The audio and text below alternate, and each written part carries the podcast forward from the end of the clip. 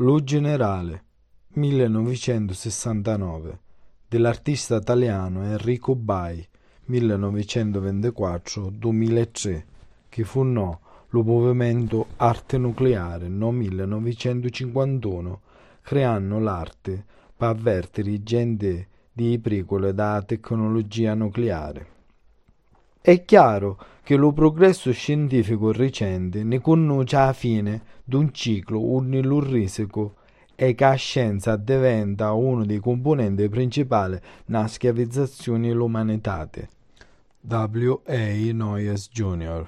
1898-1980, fotochimico americano, rivista UNESCO 1947-48. Formazione come mezzo do pensiero libero. René Maeo. O stesso è vero del diritto da informazione, come per altri diritti. Lo suo contenuto legittimo aveva essere definito un termine dei bisogni reali, scriveva lo filosofo francese René Maeo. 1905-1975, aggiungendo condizionatamente certo un capo la comprensione della parola bisogni per designare le bisogni del sviluppo umano e non ci resta buono stesso passione. Questo è il scatto del suo contributo interviste dell'UNESCO sopra le fondamenta filosofici dei diritti umani che domandò il 30 giugno 1947 con titolo Diritto di informazione e di esprimere un'opinione. L'inclusione del diritto all'informazione mezzo ai diritti dell'uomo significa che assaga cercare un semplice aumento o ammigliamento della conoscenza disponibile al pubblico. Riguarda una riconsiderazione radicale della funzione dell'informazione.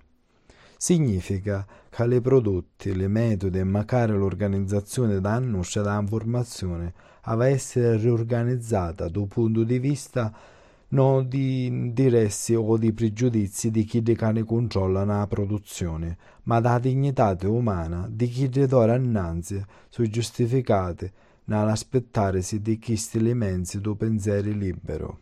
Siccome l'informazione viene a essere considerata come uno dei diritti dell'uomo, le strutture e le pratiche che ne fanno uno strumento per sfruttamento attraverso l'alienazione dei menti di masse per piccolo o potere non possono essere tollerati più. L'informazione diventa, per chi che la impartiscono, una funzione sociale o servizio dell'emancipazione intellettuale. Lo diritto all'informazione è un'estinzione naturale del diritto all'educazione e sto fatto dona la possibilità di definire il suo contenuto concreto. Lo contenuto certe volte viene definito come fatti o notizie grigie, per esempio i notizie che non vengono interpretate. Non ci avesse essere nulla illusione, capo lo valore pratico della distinzione tradizionale già fatta è opinione. So qua è un fatto, un pezzo di prova, e la selezione di un fatto è un'espressione implicita di un'opinione. Non c'è niente più deviante di una chimera d'oggettività meccanica, e manco la libertà umana può cercare la sarbizza d'un personale. La definizione meglio di fosse una presentazione staccata di materiale usabile di tutti na informazione di un'opinione, mentre un'espressione di opinione, che fosse persuasiva o provocatoria, è sempre militante.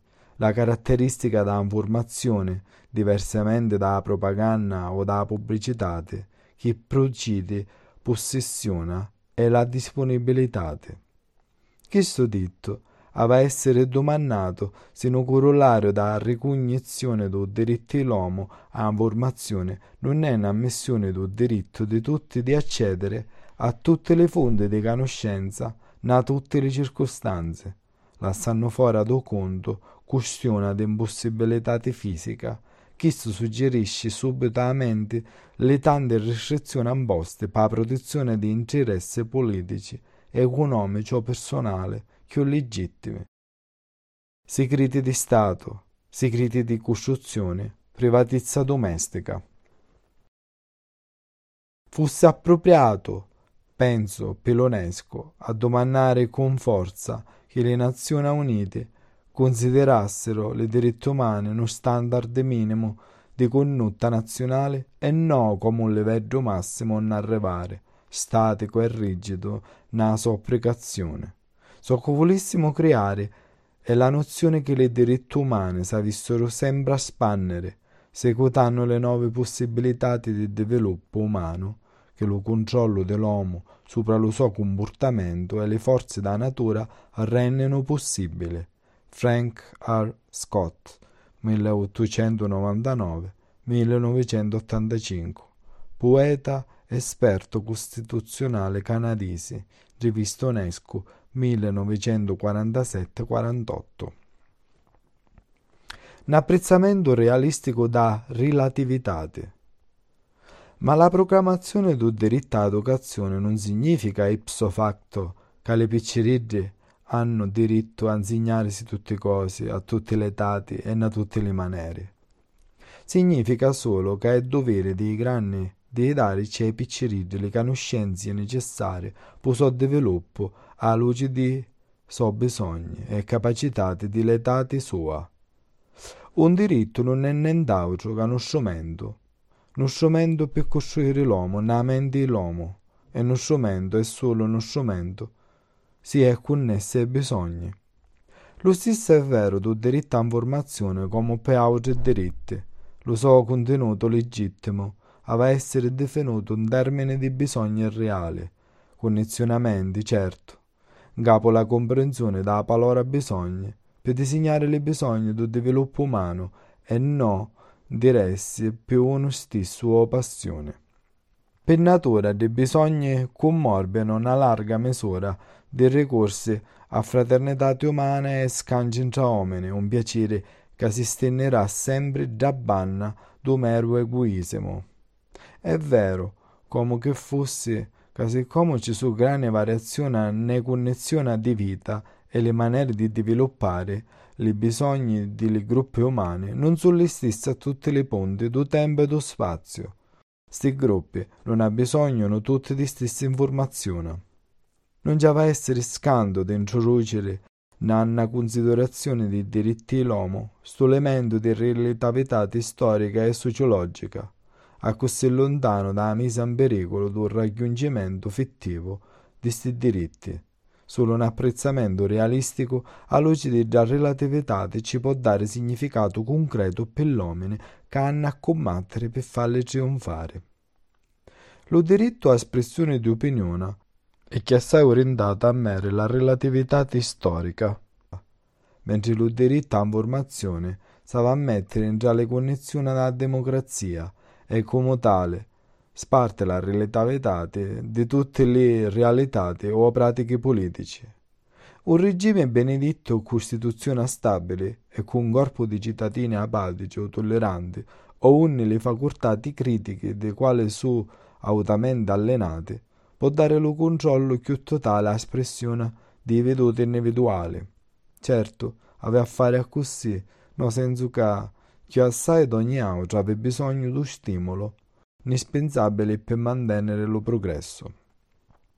Contro a questo, un ordine democratico in pericolo, in uno stato diviso da passione e posseduto di diavoli da credulità o arena democrazia chinamente impegnata un processo di ricostruzione democratico o sistematico, è giustificato una posizione di limitazione considerabile nella libertà da espressioni individuali esercizio do quale è necessariamente ostile per completare l'unità.